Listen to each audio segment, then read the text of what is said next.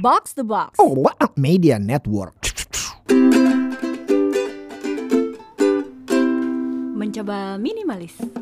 Mencoba minimalis mengurangi yang nggak perlu lebih dari sekadar beberes. Sekarang tayang empat kali seminggu. Ada Puri lagi di sini. Eh, sedikit disclaimer. Episode ini bisa jadi hanya pemantik dan di akhir nanti lo akan ngerasa nggak ada kesimpulan atau masih kurang gitu. Nggak apa-apa karena ini adalah episode teaser menuju apa yang akan gue sama Avo hadirkan di edisi weekend. Jadi kayaknya apalagi ya setelah pandemi kata mindfulness dan meditation berkesadaran cielah. Hidup mindful dan meditasi itu menjadi kata-kata yang sering banget kita denger gitu kan. Apalagi sekarang suka ada bercandaan healing-healing ke Bali, healing-healing sampai keling dan sebagainya sebagainya.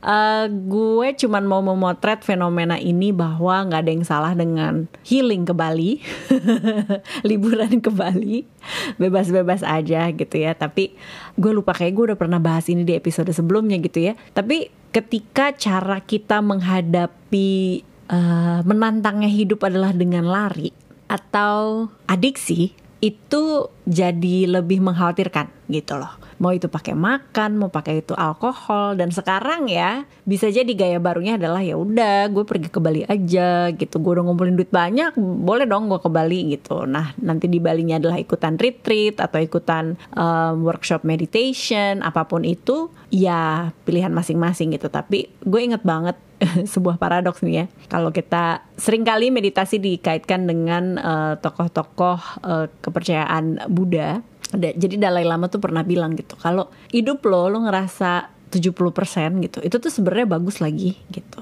Seringkali kita aja yang terlalu keras ngarep hidup kita tuh harus 100% gitu ya untuk dilabeli eh, menghidupkan hidup sebenar-benarnya gitu. Padahal mah 70% juga lo baik-baik aja gitu kan. itu satu.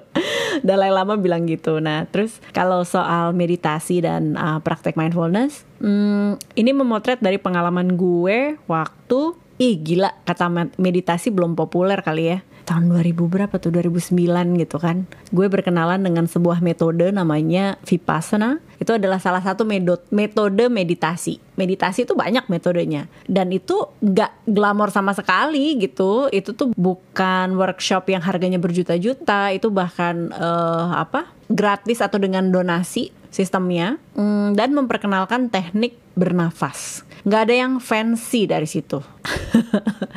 Eh, filosofinya adalah hidup tuh bakal ada sengsaranya gitu ya kan? Namanya juga manusia gitu. Ada senang abis itu ada sengsaranya ya udah muter gitu terus. Sekarang bagaimana eh, kita bisa menavigasi itu dengan eling? Gimana kita nggak terperosok ke adiksi? Dan kita tuh jadi individu yang nggak dependen atau bergantung pada orang lain gitu kan? Nah jadi apa nih alat yang bisa kita pakai secara natural untuk kembali ke titik netral gitu? Kalau kita lagi seneng banget mungkin skalanya bisa 100 nah itu kembali ke titik nol. Kalau kita lagi stres skalanya. Minus 100 kembali lagi ke titik nol gitu. Nah alatnya itu apa? Alatnya adalah dengan bernafas gitu. Dengan kembali ke nafas. Cara nafasnya nanti akan dielaborasi lagi. Gue nggak akan baca banyak bicara di sini. Tapi eh jadi kalau orang nanya lo, lo ngerasa apa sih kalau meditasi? Emang emang problem lo hilang? Enggak juga? Tapi sekarang gue kayak ngerasa dikasih toolbox alat gitu ya untuk kembali ke titik netral, melihat itu dengan jernih dan menjadikan emosi emosi yang kita rasain itu eh, kita lihat dengan helikopter view atau pandangan pihak ketiga gitu. Jadi bukan gue marah gitu atau gue tersakiti, gue merasa tersakiti, gue merasa marah. Jadi emosi itu bukan representasi diri kita gitu. Kurang lebih itu kali yang bisa gue ceritain berdasarkan apa yang gue alami dengan teknik meditasi itu dengan pengalaman gue bermeditasi yang jauh banget dari kesan glamor.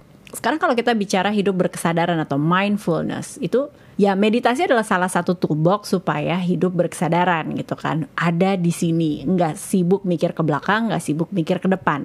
Nah, ada di di apa ya di dunia mindfulness ini ada satu bapak ya uh, the father of modern mindfulness namanya John Kabat-Zinn. Dia itu uh, juga mengeluarkan teori dan juga mengeluarkan apa ya uh, metode gitu. Ada course-nya yaitu MBSR yaitu mindfulness based stress reduction ya udah di situ juga ada praktek-prakteknya. Gue nggak bilang gue apa uh, ahli gue bahkan baru mau ikutan nih workshopnya kayak apa sih gitu ya. Belajar lagi. Jadi sebenarnya tools atau alat untuk hidup berkesadaran tuh banyak. Dan semakin gue baca itu semakin jauh dari apa ya kategori healing healing yang suka dibicarain orang-orang itu loh. Jadi kayak apa ya? Oh ini analoginya. Kayak kayak orang kena lari gitu ya. Lari memang bisa jadi supervensi kalau lo pakai atau kita pakai sepatu mahal gitu ikut geng lari yang uh, apa bajunya juga merek-merek tertentu gitu dengan gear-gear tertentu. Tapi lari juga bisa jadi sangat murah. Kita juga bisa lari nggak pakai sepatu sebenarnya. Tapi kan kita tidak mengurangi nilai lari itu gitu. Jadi ini juga akan bah banyak bahasan gitu. Uh, gue apa ngobrol sama satu orang gitu ya. Tapi kan kalau lo misalnya ngikutin filosofi uh, stoa gitu kan hidup di sini kini gitu kan hidup berkesadaran ada filsuf-filsuf kayak Seneca uh, Marcus Aurelius misalnya. Tapi kan mereka berada dari apa berasal dari status uh, sosial ekonomi yang wow gitu. Jangan-jangan hidup berkesadaran hanya untuk orang kaya gitu Nah balik lagi ke filosofi lari gitu. Ya orang mah mau lari gimana gayanya lari aja. Sekarang tinggal dipilih mau lari yang kayak gimana modelannya gitu. Dan e, sepakat bahwa lagi-lagi kalau kita masih mikirin perut gitu ya lapar ya emang e, solusinya emang harus dibayar dengan cari makan dengan uang gitu. Tapi juga kita perlu ingat ada problem hidup yang kita harus nyesuaiin gitu. Ada money can only solve money problem. Tapi ada juga masalah yang nggak bisa dibayar dengan uang. Nah itu kayaknya yang gue ngerasa hmm uh, ada hal-hal internal yang hanya bisa kita navigasi sendiri dan sayang ini nggak kelihatan gitu. Um, gue bisa salah gue bisa benar. Uh, gue juga minta pendapat lo apa yang lo udah pernah denger baca belajar tentang hidup berkesadaran tentang meditasi. Uh, meditasi seperti apa yang lo co udah cobain? Atau sekarang ada istilah journaling feel free seperti biasa episode monolog ini tidak ada kesimpulan ya. Ini pemantik aja. Sekaligus gue mau ngasih tahu nih teaser nih. Weekend ini ada episode gue sama Avo ketemu sama Raden Prisha. Dia adalah mindfulness coach yang pastinya punya kompetensi lebih untuk bicara hal ini. Segitu dulu dari gue. Uh, semoga lo seneng dengan episode ini, bikin jadi pengen cari-cari referensi lagi. Seperti biasa apa yang udah gue omongin di sini nanti um, linknya apa pun itu yang berhubungan dengan episode ini akan gue taruh di description episode.